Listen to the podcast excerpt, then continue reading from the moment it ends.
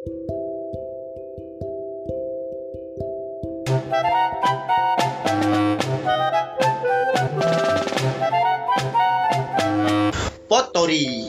Podcast History. Podcast sejarah alternatif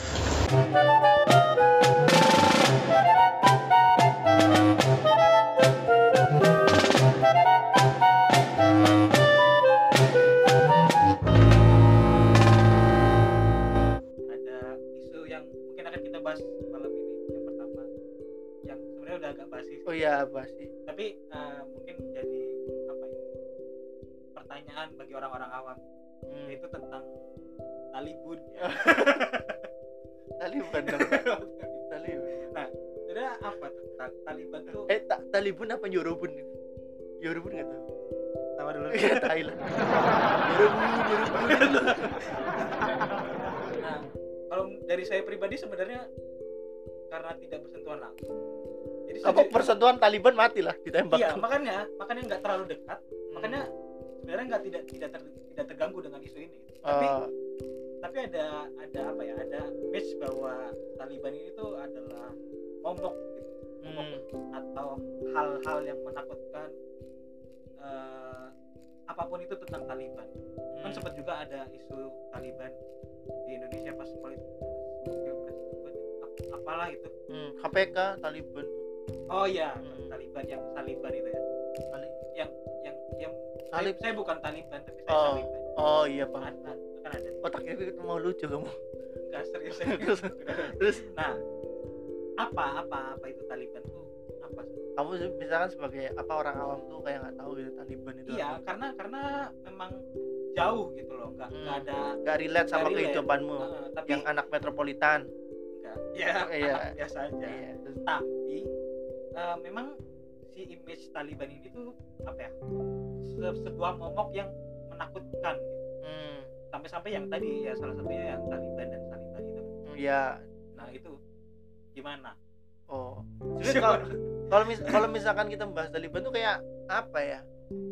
Aku sih selalu nggak selalu ya kayak pernah jelasin banyak aja. Aku mungkin lebih enaknya kayak narik di masalah konflik di Afghanistan gitu loh. Kalau misalkan apa eh buat kalau buat basic ya pengetahuan basic gitu kan. Sebenarnya kayak Afghanistan itu kan sebenarnya tanah konflik ya. Bahwa sejak dari 1800-an ya abad ke-17 itu eh, da- daerah ini ya kan tanah ini itu tuh kayak udah kayak full of violence gitu penuh memang penuh kekerasan terus kemudian terbiasa dengan perang gitu kalau misalkan buat pengetahuan awal di Afghanistan itu terjadi mungkin sampai sekarang ya ada sekitar lima perang. Lima perang di Afghanistan. Lima perang di Afghanistan.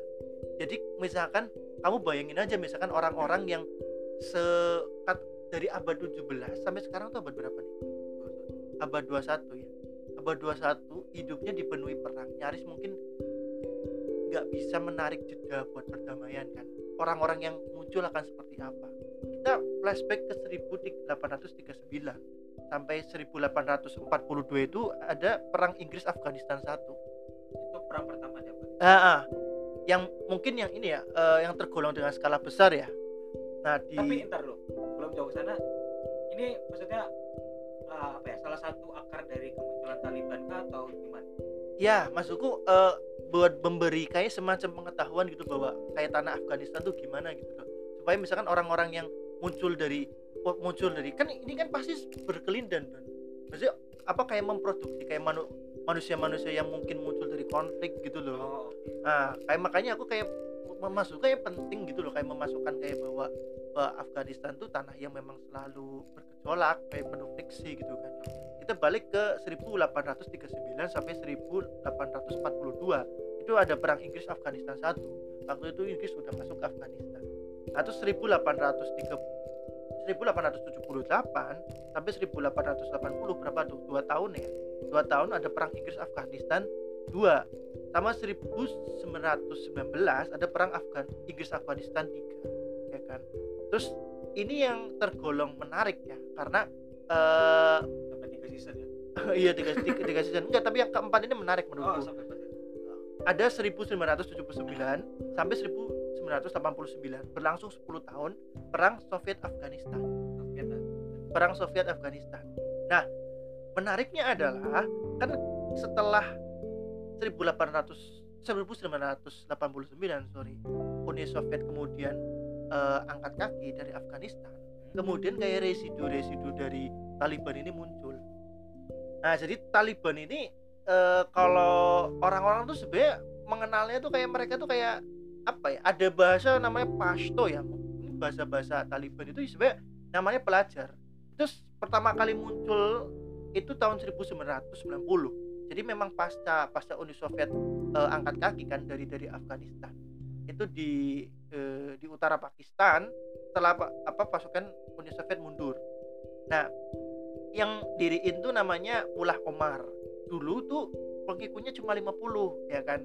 Sebenarnya untuk apa ya menentang kayak ketidakstabilan pemerintah waktu itu kan belum stabil terus ada korupsi terus kejahatan di Afghanistan. Nah terus mereka tuh kayak dari sana mulai jadi kayak milisi-milisi gitu loh. Kayak apa ya orang-orang yang sering bergerilya terus kemudian menjadi kelompok yang besar jadi oposisi pemerintah gitu kan. Terus bahkan sampai pada satu titik mereka bisa menggulingkan kekuasaan eh, rezim Presiden Burhanuddin Robani eh, salah satu pendiri Mujahidin Afghanistan yang menentang pendudukan Uni Soviet nah, jadi ada ada Taliban ada Mujahidin ya kan nah tahun 1998 itu Taliban itu eh, hampir menguasai 90% wilayah Afghanistan. Nah, berarti bisa bisa dibayangkan orang-orang bersenjata ya kan tanpa kontrol pemerintah ya kan dia berbentuk milisi, berbentuk laskar tapi menguasai negara. Janji mereka itu memulihkan kayak perdamaian, keamanan serta yang paling penting adalah menegakkan syariat Islam versi mereka. Nah, kalau misalkan kemudian eh, beberapa pernah dengar Taliban itu yang paling terkenal adalah kenapa mereka jadi pusat perhatian? Gara-gara itu loh Malala Yousafzai. Nggak tahu. Kamu nggak tahu Malala Yousafzai. Astagfirullahaladzim siapa itu? Eh, Malala Yousafzai itu kayak apa perempuan Afghanistan. Jadi dia ditembak Taliban gara-gara mau sekolah. Nah jadi keni, apa kayak Taliban itu selalu dikaitkan stereotypingnya mereka itu kayak penegak Islam garis keras ya kan? Mereka juga kayak melarang televisi melarang musik dan bioskop dan tidak memperbolehkan anak-anak perempuan ya di atas 10 tahun untuk bersekolah jadi kayak mungkin orang-orang kita tuh eh, ngomongnya sekolot itu gitu loh. Bahwa mereka punya ideologi yang sekolot itu. Kalau misalkan dijawantahkan ke sini mungkin kayak orang-orang kita ya atau misalkan dalam bahasa-bahasa mungkin pemerintah kayak Islam radikal garis keras gitu-gitu loh.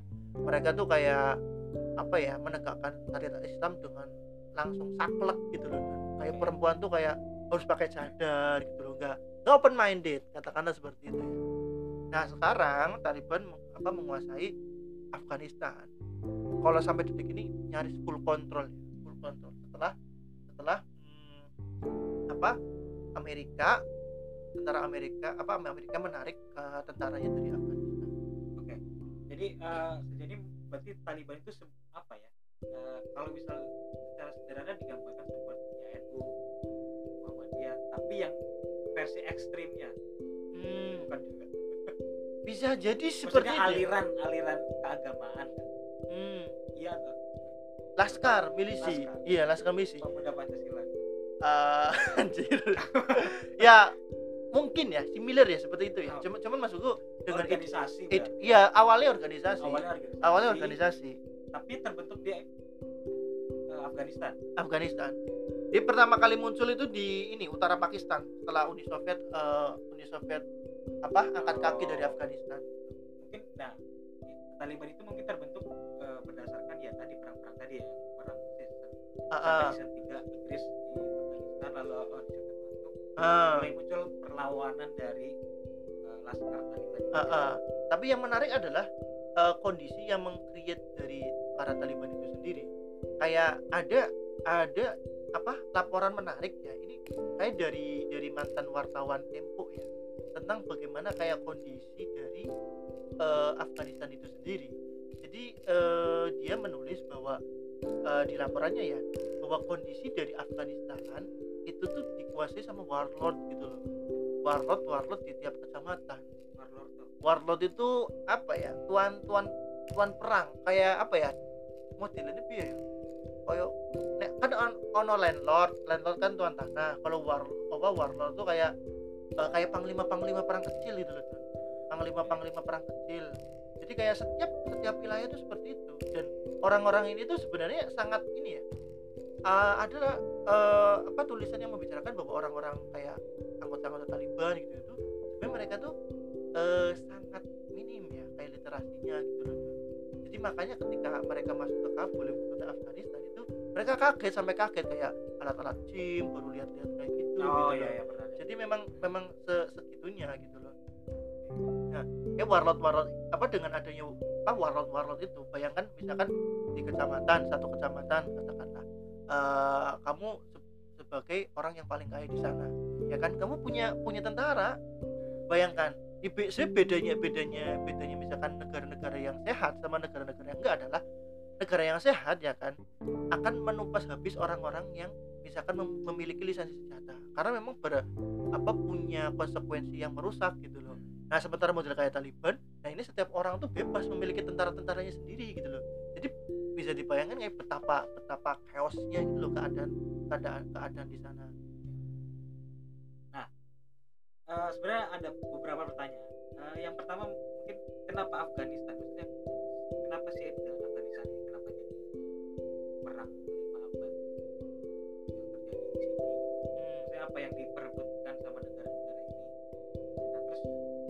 hingga kemunculannya Taliban ini terus kan sempat jadi isu juga di Indonesia. Apa yang membuat itu masuk ke Indonesia dan eh, apa ya eh, apakah itu berpengaruh ke negara-negara lain juga? Bagaimana? Maksudnya? Kan itu jadi permasalahan maksudnya bukan permasalahan ya isu di Indonesia. Ya tapi apakah si isu ini tuh sebenarnya juga menyebar ke negara-negara lain? Maksudnya kayak membuat membuat membuat itu membuat kayak kacauan gitu itu ya sebenarnya yang paling sih yang paling kena imbas tuh sebenarnya itu ya. Yang apa ya re- relate itu Amerika sih Don. Jadi se- se- setelah setelah Uni Soviet apa angkat kaki itu kan eh 1979 sampai 1989 kan eh apa perang Uni Soviet Afghanistan kan.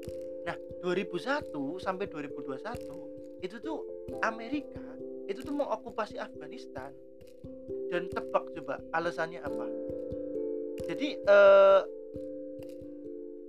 pas 2021 kalau misalkan kamu kamu tahu ya itu tuh kan ada namanya ini John. Yang peristiwa itu loh pengukuman itu Amerika tuh di situ kan 20 tahun kan.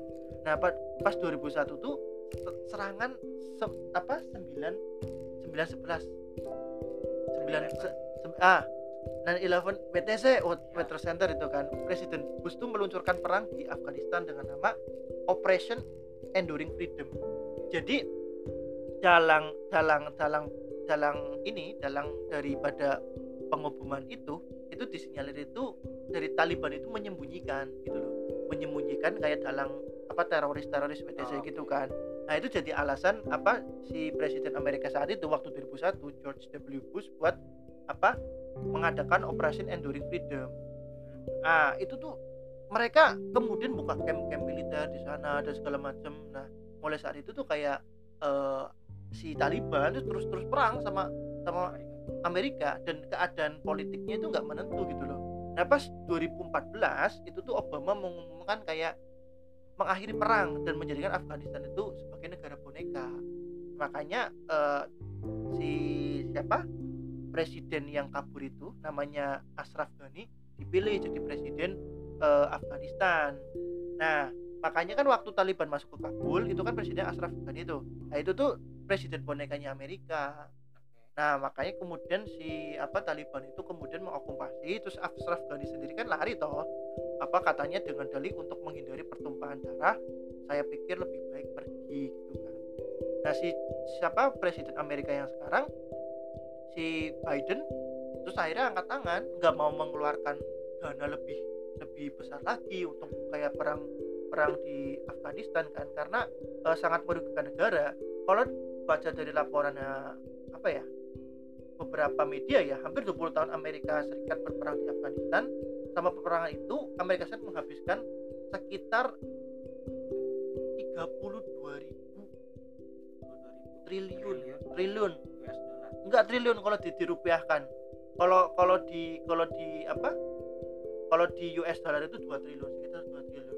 Itu Joe Biden juga sudah ngomong bahwa itu anggaran yang apa pantas untuk riset di beberapa universitas gitu-gitu loh.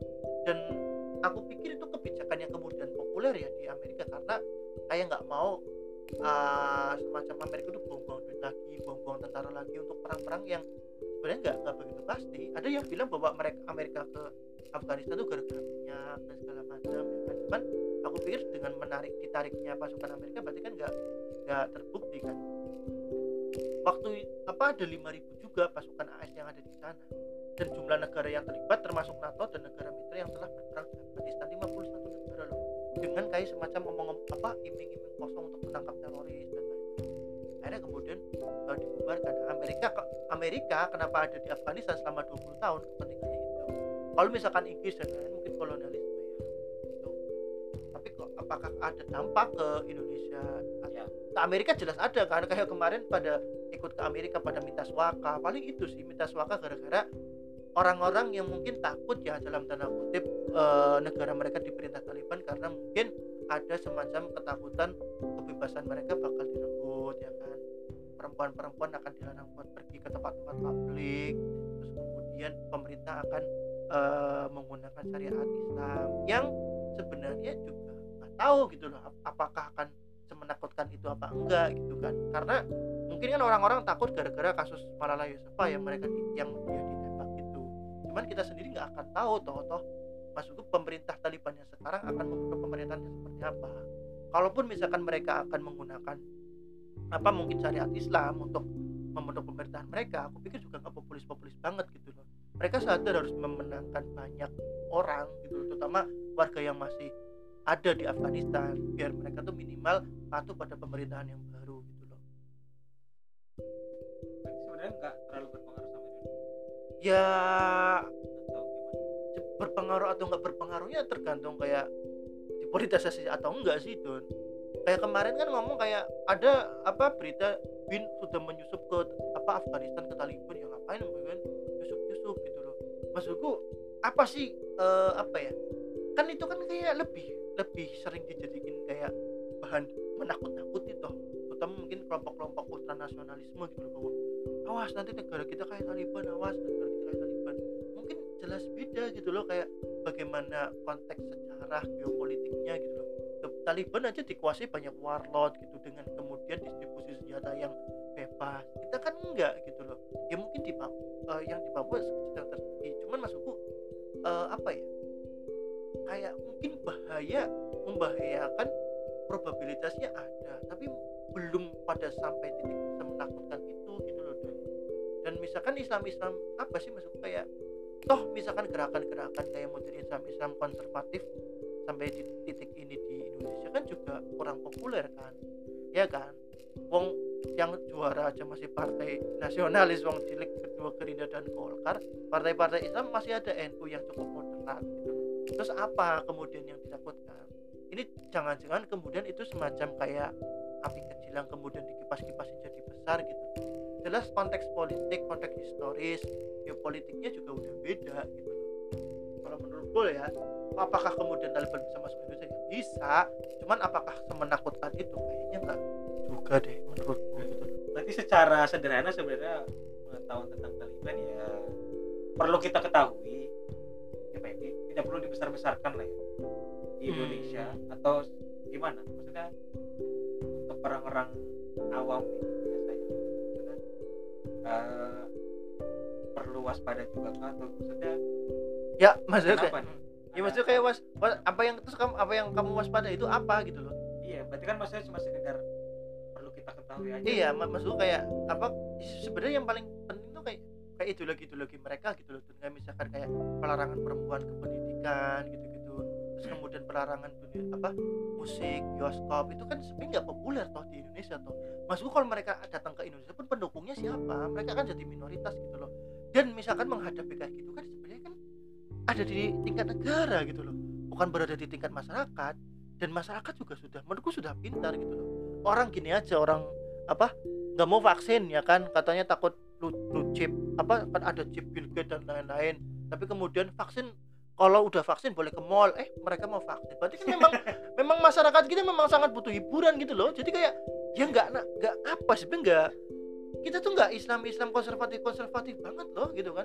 Mau kadang ada apa ngomong-ngomong ngomong-ngomong kayak mungkin katakanlah religius religius juga masih ya masih melakukan hal-hal yang begitu Iya. ya kan. Jadi ya menurutku kayak apa ya pen- penilaiannya bukan kita harus waspada atau enggak ya maksudku ya wa- waspada mencegah musim masuknya Taliban itu kan sebenarnya berada pada ini ya berada pada tanggung tanggung jawab takaran tanggung jawab negara ya.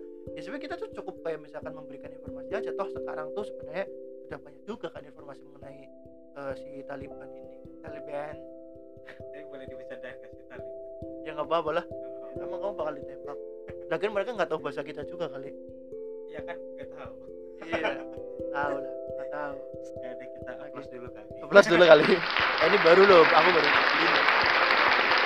oke terima kasih. Terima kasih. sudah mendengarkan sampai jumpa di episode selanjutnya. bye bye